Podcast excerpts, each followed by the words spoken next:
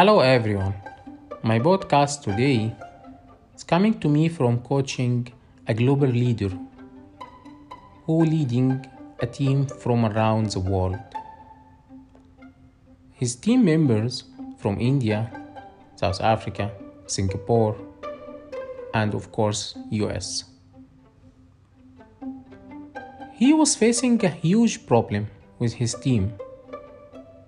Their productivity are going low.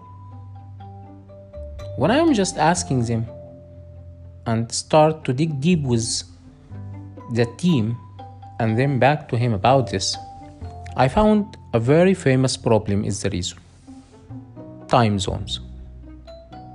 Team members are staying late or even wake up very early to catch a calls.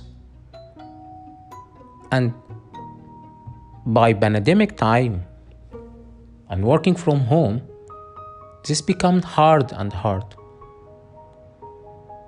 Leads for a team frustration because it's pressures on them to work that way. So I ask the leader, have you think about this?